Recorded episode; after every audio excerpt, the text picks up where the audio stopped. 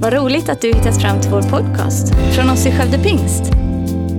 Vår bön är att den ska hjälpa dig förstå mer om vem Gud är, bygga din relation med honom och ge praktiska verktyg för ditt liv.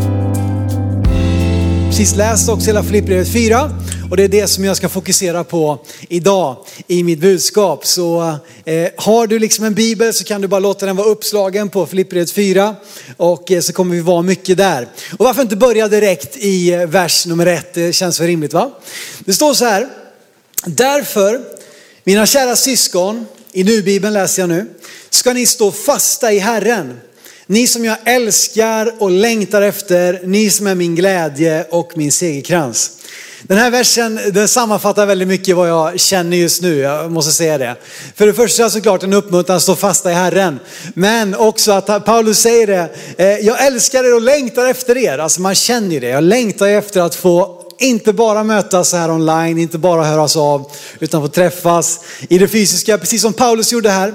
Han skrev det här brevet i fångenskap sittandes i fängelse. Eh, och han kunde nog också relatera till att inte kunna vara hos dem. Eh, men just den här uppmuntran också, att stå fasta i Herren. Jag vet inte hur många av er som har gett er ut i naturen på sistone. Det har ju varit fantastiska veckor. Eh, solen har skinit och eh, har man hittat en plats i lä så har det varit helt underbart alltså. Och eh, grejen är den att när man är ute så här års på våren så är det lite oklart vart man kan gå och vart man inte kan gå. Och eh, det är sådär att, att eh, inte minst när man kommer till ett vattendrag, när man kommer till en vattensjuk mark eller en bäck och så ska man ta sig över. Och så liksom letar man efter, vart kan jag trampa egentligen någonstans? Och så tar man sikte då på en tuva eller någonting. Och så sätter man foten där bara för att du vet, man sjunker undan om du inte är liksom snabbare än blixten eller fantomen, jag vet inte vad ni har för referenser där hemma. Men eh, så är det ju så att du snabbt liksom sjunker ner och så det du trodde skulle ge dig en fast mark, det bara sjunker undan. Så står du där med lera och smutsigt vatten ända upp liksom på smalbenet. Och visst är det lite sådär med, med, med tillvaron just nu. Att vi vet inte, vad kan jag, vad kan jag liksom ta sikte på? Vad i min tillvaro håller? Och inte minst det som jag trodde höll, visar sig att det, det, bara försvinner under, bort från mina fötter. Jag vet inte, vad ska jag ta mig till, vad ska jag göra? Eh, och i den tiden så tror jag just det som Paulus säger, att ni ska stå fasta i Herren. Och bara få veta det, att Gud, han är en fast klippa. Om du i den här tiden väljer att säga Gud, jag litar på dig. Då kan du veta att det är någonting som håller. Det kommer inte liksom erodera under dina fötter på grund av vattenmassan utan Gud står fast. Så det är bara min uppmuntran och Paulus uppmuntran här, stå fasta i Gud. Han är vår hjälp i nöden, väl beprövad. Man kan fundera på hur ska man då stå fast i Herren egentligen? Vad kan jag göra för att, för att hålla mig till honom då? Det, det är ju lätt, ja, okej stå fast i Herren, men hur gör man det då? Ja, vad Paulus fortsätter att hamra på, eh, han, han, håller på att slå på samma spik genom hela Filipperbrevet. Eh, vi har sagt det tidigare också, men det som han bara kommer tillbaka till hela tiden, det är glädjen. Glädjen, glädjen, glädjen, glädjen. Paulus talar om glädje 16 gånger i fyra kapitel. Och sju av dem, om inte jag har räknat fel, hittar vi här i det här sista kapitlet. Glädjer. I vers 4 säger Paulus just det. Glädjer alltid i Herren. Än en gång säger jag glädjer. Hur kan jag stå fast i Gud? Hur kan jag ha honom som min tillflykt? Jo, det är om han också är min glädje. Eh, Därför att genom att glädja oss i honom så fylls vi också med en trygghet på att han är i kontroll. Bland det första som försvinner i våra liv när oro kommer, när bekymmer kommer är våran glädje. Jag vet inte om du har upplevt det på sistone, men när bekymren hopar sig, då tappar vi glädjen. Och likadant är det så, eh, liksom, vad vi än går igenom. Och det är inte så, jag säger inte att vi ska glädjas. Självklart gläds vi inte över sjukdom, död, varsel, permitteringar. Det är inget av det här som vi gläds över. Men poängen med Gud är att glädjen i Gud, det är en glädje som inte är beroende utav vad som sker runt omkring, utan det är en glädje som står fast. Det är inte en osäker tuva som kan försvinna under mina fötter, utan det är någonting som jag kan stå fast på. Jag skulle uppmuntra dig verkligen, du, du kanske inte har någon relation till Gud överhuvudtaget, men bara i den här tiden, ge Gud en chans.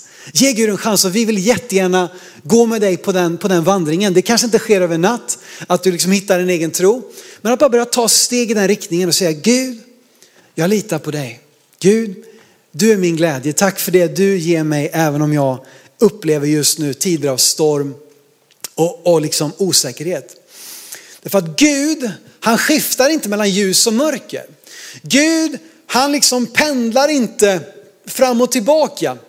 Han är densamme igår, idag, all evighet. Därför kan den glädjen vi får av Gud, den kan bestå även när vi går igenom en svår tid. När Paulus då skriver avslutningen i sitt brev, det som vi läser som kapitel 4, han skrev ju inte kapitel när han skrev det här, men det vi läser som kapitel 4 så tycker jag det finns också någonting som är genomgående, nämligen generositet.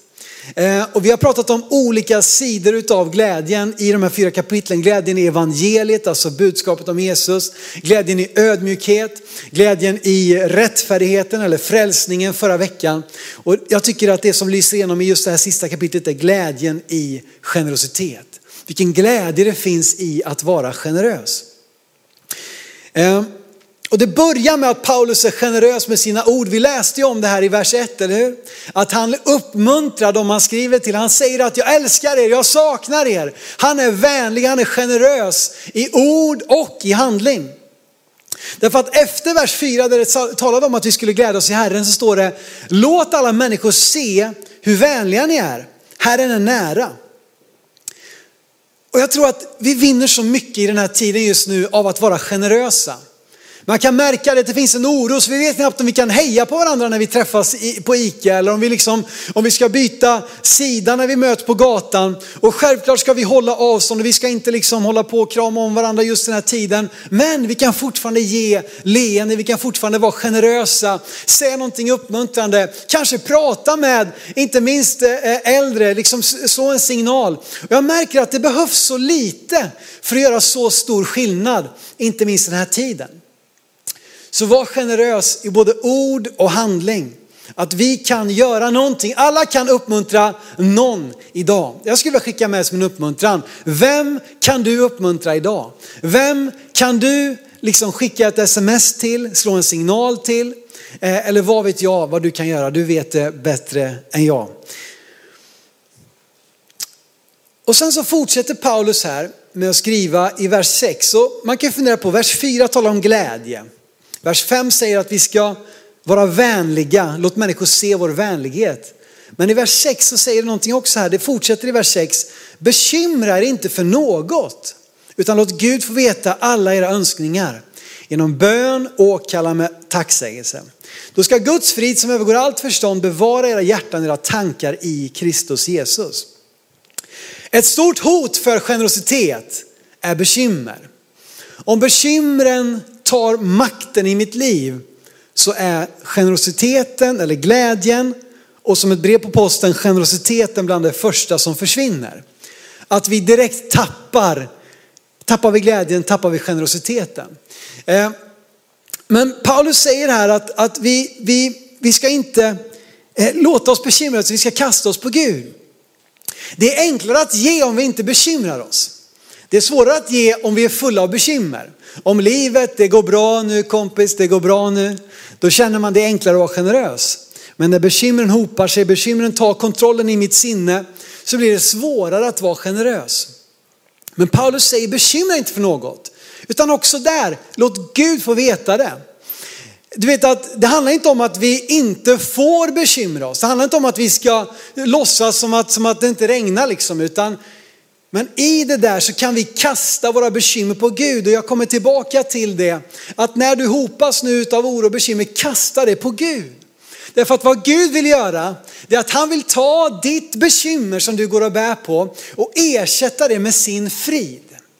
Och den friden som Gud ger, den är, den är större än någonting annat.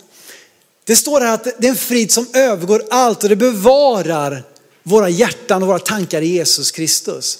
Det är en frid återigen som inte beror på om börsen går upp eller ner. Utan vi får göra våra önskningar kunna. Gud, det här är kass. Gud, det här, jag orkar inte med det här, men hjälp mig. Och då vill Gud ta dina bekymmer och ge av, din, av sin frid istället. Och grejen är att det är en frid också, frid kan inte köpas för pengar. Frid kan inte vinnas genom politiskt inflytande eller makt. Utan det, det går djupare än så. Om det är någonting som Gud vill göra i våra liv så är det att fylla oss med sin frid. Och när vi känner hans frid då känner vi ett lugn. När vi känner ett lugn, ja men då skingras bekymren. Och när bekymren skingras då kan vi börja känna glädje på nytt. Och ut ifrån glädje kommer generositeten. Ser ni? Det, har liksom, det är som en, en stegvis förändring i våra liv. Men hur kan jag liksom komma ut, hur kan jag bli fri och bli kvitt mina bekymmer? Hur kan jag liksom, det är ju som det är. Ja det är det verkligen. Och det som är, är inte så hoppfullt just nu. Men jag tror att någonting ska hjälpa oss att, att se en förändring är genom att skifta perspektiv. Eh, Paulus säger vidare i vers 8 och vers 9. Hur ska vi då, han, han fortsätter här nu då från att vi inte ska bekymra oss, ska se det till Gud och så fortsätter han. För övrigt, allt som är sant och värdigt, rätt och rent, allt som är värt att älska och uppskatta, allt som kallas dygd och förtjänar beröm, tänk på allt sådant. Det ni har lärt, tagit emot, hört och sett hos mig, det ska ni göra. Då ska fridens Gud vara med er. Jag har insett nu, jag har passerat 30, tro det eller ej, men eh, man har fått lite erfarenhet i livet och eh, du kanske sitter där som har liksom dubbelt så mycket erfarenhet, jag vet inte. Men någonting som jag har lärt mig under mina 32 år, det är att det är väldigt sällan det kommer en tid där det inte finns några bekymmer. Utan bekymren ja, de finns där i livet. Bekymren de, de, de kommer, de skiftar, de ändrar kanske färg och form och utseende och hur de låter. Men det finns alltid saker som kan orsaka bekymmer. Eh, och vad som då kan hjälpa till att inte bekymret tar över mitt, mitt, mitt liv och mitt sinne, mina tankar är ju att jag skiftar perspektiv. Kanske jag skulle valt att titta in i en kamera istället där. Jag kan skifta perspektiv. Och jag vet inte om du som jag nu lider över att all sport är det, är ju kanske en banal grej i det här sammanhanget, men det är ändå jobbigt att det inte finns någon sport. Nu när Champions League skulle avgöras, nu när Premier League, i och för sig, om Premier League avbryts just nu, det är ganska skönt ändå för det betyder att Liverpool inte vinner sin första Premier League-titel och det kan vi faktiskt leva med. Eh, men oavsett, man saknar lite fotboll, man får, man får nöja sig med typ VM-krönikan från 98 som jag har tittat på här i veckan. Det är dagens tips förresten, alla VM-krönikor finns uppe på Best of Play. Men gå inte dit nu nu, håll kvar, stanna kvar här i vår sändning och titta en liten stund till. Men grejen när man tittar på fotboll, framförallt då naturligtvis, eh, på tv, att man har ett otroligt försprång. Därför att även om jag ser en situation i en stund, och det, men hallå, det är ju offside. Det är offside och så ser man reprisen från en annan vinkel. Och då ser man, nej, det var inte alls offside. Därför att vårt perspektiv påverkar hur vi ser saker. Eh, så om jag bara kan välja att skifta perspektiv, om jag kan lära mig det i mitt liv, när bekymren, här är det fullt av bekymmer. Men om jag vänder mitt fokus och tittar häråt, här har jag min familj som jag är tacksam för. Här har jag faktiskt, visst jag har liksom sparkontona, de växer inte på hög just nu, men jag har mat i kylen. Det är någonting att vara tacksam för. Allt som är sant och värdigt, rätt och rent, tänk på det. Tänk på det. Påminn dig liksom, hitta saker att tacksam, eh, vara tacksam för och tacka för. Tacka människor omkring dig, tacka de som jobbar på butiken som liksom står ut med oss att vi håller på och hamstrar och de får massa klagomål. Varför är gästen slut? Varför är gästen slut förresten? Hallå? Vem är det som köper all gäst? Om du, är, om du tittar här just nu så lämna tillbaka gästen och låt oss vara fler som kan baka. Det, det finns och det räcker till alla. Men kanske istället för att vi går och klagar liksom, ja varför är det slut varför är det slut? Varför? Ja men tänk, de har ju öppet, de har till och med längre öppet nu i vissa butiker för att kunna serva till exempel riskgrupper och sådär. Så hitta saker att vara tacksamma, skifta perspektiv. Och då kan du se att bekymren inte har kontrollen över dig. Eh. Och tänk på det som är gott, tänk på det som är tacksamt och påminn dig om det du har lärt dig.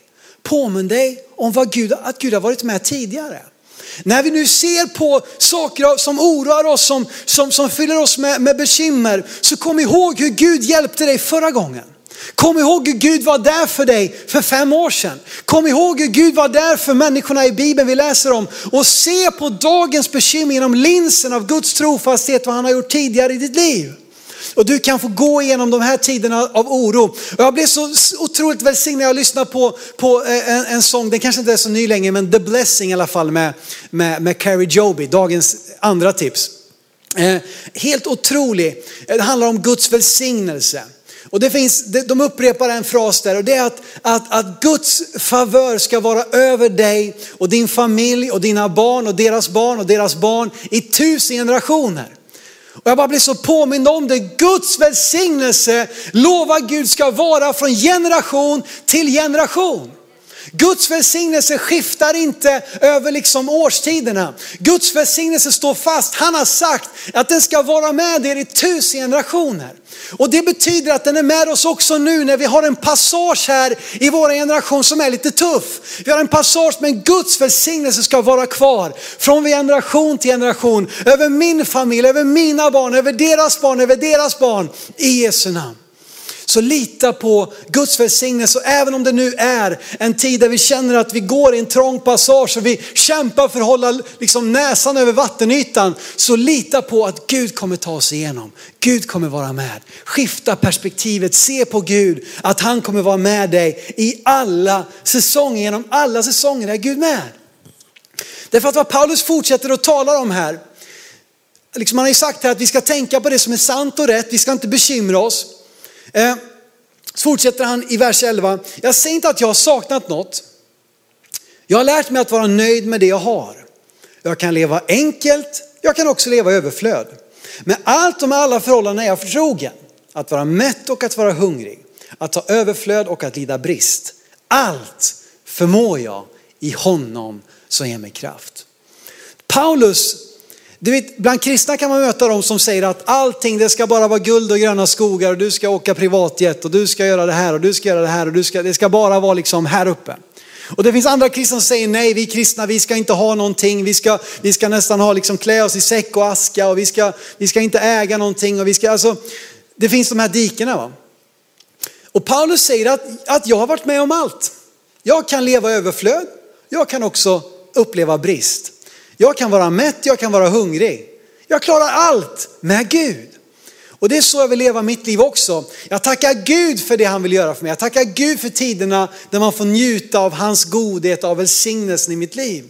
Men när det kommer också en tuff passage så vet jag att även då, även om jag är hungrig just nu, även om jag är orolig just nu, så allt förmår jag genom honom som ger mig kraft. Ett av Bibelns verkliga power statements. Alltså hur många gånger, du som är liksom en van, vad vet jag, bibelläsare eller lyssnar på mycket predikningar. Det är ett bibelord som ofta människor återvänder till. Allt förmår jag honom att ger mig kraft. Och det är underbart, vilket löfte.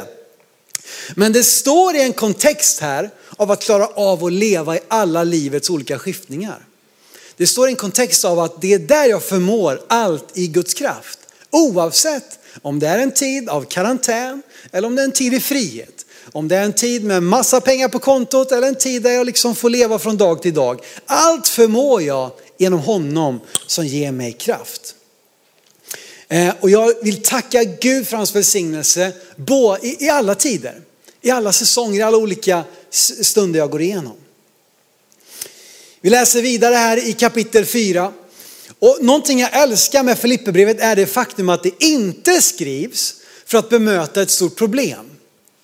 Eh, flera andra brev, liksom där skriver Paulus med skärpa och så här, nu måste ni skärpa till er, så här kan ni inte göra, så här kan ni inte lära ut, så här kan ni inte predika, så här kan ni inte fira gudstjänst, så här kan ni inte hålla på och bråka. Men när han skriver till Filipperbrevet så är det, det är inga problem, utan det är en församling, en sund församling som framförallt präglas av generositet. Och vi ser det när vi läser vidare i vers 15. Ni var den enda församling som hade sådan gemenskap med mig att man kunde föra bok över givet och mottaget. Även när jag var i Thessaloniki skickade ni både en och två gånger vad jag behövde. Inte så att jag söker själva gåvan utan vad jag söker är att ni ska få en riklig frukt av gåvan ni ger. Jag har fått allt och det är överflöd. Jag har mer än nog när jag nu genom Epafroditus har fått er gåva, en ljuvlig doft, ett välbehagligt offer som Gud tar emot med glädje. Filipperbrevet är skrivet som ett tack för deras generositet. Vilken underbar församling. De hade en, en kultur av givande. Det var, det, var, det var naturligt för dem att ge. Eh, de hade till och med ordning och reda i givandet. Det var liksom inte bara High Chaparral och skicka lite pengar där, släng lite pengar där, gå med segelbunten i fickan liksom och sup, sup, sup. Utan de kunde föra bok över givet och mottaget. Det var ordning och reda. Och de gav inte bara en gång, ja, men jag gav minsann. Du ska veta när jag var ung, då gav jag allt jag hade en gång. Jo men hur är det nu då? Eh, och här så talas det om, om Filipperbrevet att de gav både en och två gånger. Till och med när Paulus sitter i fängelse, då fanns det liksom inga swish-varianter, vad jag känner till i alla fall, men nej det fanns inte det eh, på den här tiden. Men vad de gör är att de tar, de samlar ihop pengar, mynt, jag vet inte hur det, hur det gick till. Och så går de från Filippi i nordöstra Grekland och de skickar en snubbe, Epafroditus, eh, som beger sig hela vägen till Rom där Paulus är i fångenskap för att lämna över gåvan. Då är man motiverad att ge. Då spelar det ingen roll att vi sitter i karantän för att inte kunna ge. Förstår ni? De tog sig över ett hav och begav sig till en annan plats för att kunna ge. För att kunna uppmuntra Paulus, för att kunna välsigna honom och att han kunde ha det han behövde. Du vet det är alltid rätt tid att ge i Jesu namn. Men i vårt givande så ska vi veta en sak. Att allt det har sitt ursprung, vår generositet, vårt givande har sitt ursprung i vem Gud är. Och du vet att det är Gud som är den främsta givaren. Det är Gud som, som gav före oss. Första Johannesbrevet talar om att vi älskar därför att Gud först har älskat oss. Och likadant så är det så att vi kan ge därför att Gud först har gett oss. Bibelns mest välkända bibelord, Johannes 3.16 säger att så älskade Gud världen att han gav sin enfödde son. Guds kärlek resulterar i givande.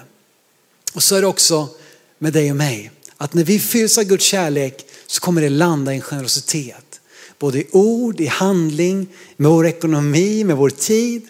Och det är någonting som inte är beroende av om vi sitter i fångenskap eller om vi är fria. Om vi är hungriga eller om vi är mätta. Om vi upplever en tid av brist eller en tid av överflöd så kan vi i allt detta få ha en generositet därför att Gud först har gett till oss. Sann kärlek resulterar alltid i ett givande. Den du älskar kommer du att ge. Och vet du vad? Det finns en fight just nu om din glädje. Och jag vill uppmuntra dig, förlora inte glädjen. Tappa inte glädjen. Vi pratade om det här i veckan och när vi har förberett de här budskapen så har vi pratat lite grann i pastorsteamet och vi, vi kom in på det att det är faktiskt så att glädjen försvinner väldigt ofta före kärleken. Jag vet inte om du har tänkt på det? Det är väldigt sällan vi skulle säga, jag älskar inte längre min familj. Jag älskar inte längre mina vänner. Jag älskar inte längre min kyrka. Jag älskar inte längre Gud. Däremot så tror jag det allt för ofta vi känner att ja, jag älskar dem fortfarande men jag har tappat glädjen.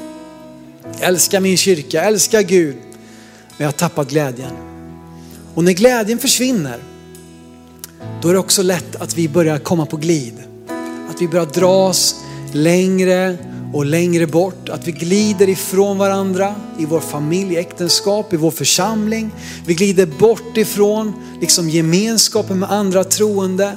Vi glider bort ifrån liksom vanan att fira gudstjänst. Vi glider bort ifrån det som Gud vill göra i våra liv. Så det är så viktigt att vi inte tappar våran glädje. Utan vinn tillbaka glädjen genom att börja tänka och se och tacka Gud för allt det som han har gett till dig och mig. I Jesu namn. Tappa inte bort glädjen. Behåll den genom att du sätter ditt hopp till Gud. Jag vill be tillsammans med dig nu. Jag vill be med dig som är med och firar den här gudstjänsten oavsett var du är någonstans. så vill jag inbjuda dig att bara öppna ditt hjärta för Gud. Allting börjar med, resan med Gud börjar med att du och jag säger vårt ja till honom. Han är en gentleman Gud. Han tvingar sig inte på, han är inget SWAT-team som bara dunkar in. Utan han är en gentleman som väntar på din inbjudan.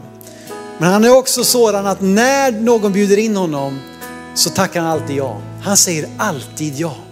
Så vem du än är, vad den relation är med Gud och vart du än sitter, vart du än tittar just nu. Om du är med oss live eller tittar i efterhand så vill Gud liksom ta emot dig. Han vill ta emot din, ditt ja till honom.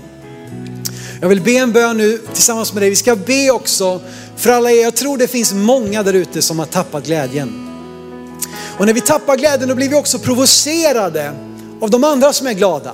Du blir provocerade av de andra som är tacksamma. Och vi tycker det var väldigt vad ni är positiva, väldigt vad ni är tacksamma, väldigt vad ni pratar om hur bra allting är. Och, och har ni inte tänkt på det här? Jo, allt det här är också sant, men vi kan också skifta perspektiv. Jag vill också be för dig som har tappat din glädje, att du ska få tillbaka den i Jesu namn. Kanske att det här får vara en tid av reflektion i våra liv. En tid där vi stannar upp, en tid där vi bestämmer oss för att dra oss nära Gud och få lägga ett nytt fundament i våra liv som gör att när vi väl kommer ut i friheten igen så gör vi det på en annan grund. Jesus Kristus, stå fasta i Herren.